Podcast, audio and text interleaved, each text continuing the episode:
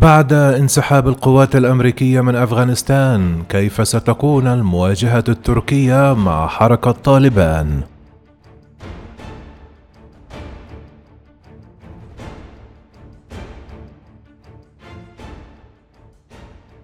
لم يتبقى سوى أسابيع معدودة قبل أن تغادر آخر القوات الأمريكية أفغانستان بعدها ستكون القوات التركية في مواجهة مباشرة مع حركة طالبان وسط مخاوف من التحول إلى قتال عنيف.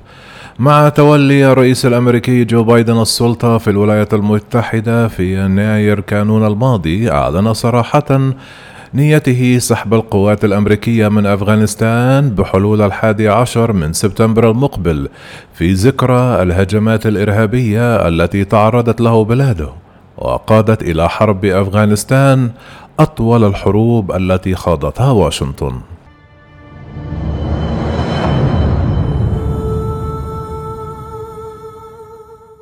ومن المؤكد أن الانسحاب الأمريكي من أفغانستان سيترك فراغا.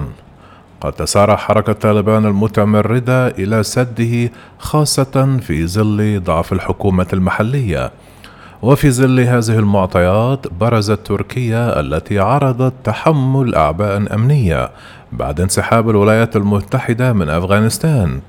يدور الحديث حاليا على أن الدور التركي سينحصر في تأمين مطار العاصمة كابول الذي يعتبر منشأة استراتيجيا بالغة الأهمية إذ يعد مركزا اقتصاديا وعسكريا ولوجستيا. لكن عرض الرئيس التركي رجب طيب أردوغان بتولي مهام أمنية في أفغانستان. كان مقرونا بطلب دعم مالي ولوجستي وسياسي كي تتمكن بلاده من إدارة وحماية المطار. عرضت تركيا نشر قوات في المطار بعد انسحاب الناتو بالكامل وتجري محادثات مع الولايات المتحدة منذ عدة أسابيع. وحذرت حركة طالبان التي سيطرت على الأراضي مع انسحاب القوات الأجنبية بقيادة الولايات المتحدة تركية من ذلك. وأقر أردوغان متحدثا في شمال قبرص بأن لطالبان تحفظات لكنه قال إن تركيا ستنفذ المهمة. رغم ذلك طالما أن الولايات المتحدة الشريكة في حلف شمال الأطلسي تفي بثلاثة متطلبات تركية محددة. قال إذا أمكن تلبية هذه الشروط فإننا نفكر في تولي إدارة مطار كابول مشيرا إلى الدعم الدبلوماسي لتركيا بالإضافة إلى تسليم الولايات المتحدة للمنشآت والخدمات اللوجستية في أفغانستان. أضاف أردوغان بعد أداة صلاة العيد ستكون هناك صعوبات مالية وإدارية خطيرة. الولايات المتحدة ستقدم الدعم اللازم لتركيا في هذا الصدد أيضا.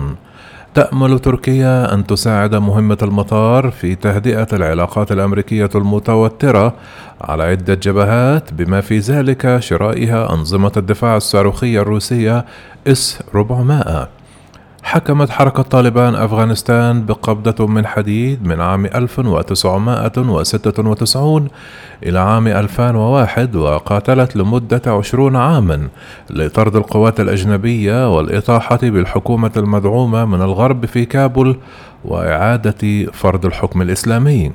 وصفت حركة طالبان التي شجعتها رحيل القوات الأجنبية بحلول سبتمبر خطة تركيا بأنها تستحق الشجب.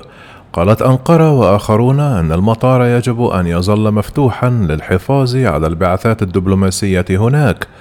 قبل مغادرة أردوغان إلى قبرص يوم الاثنين قال إن على طالبان إنهاء الاحتلال.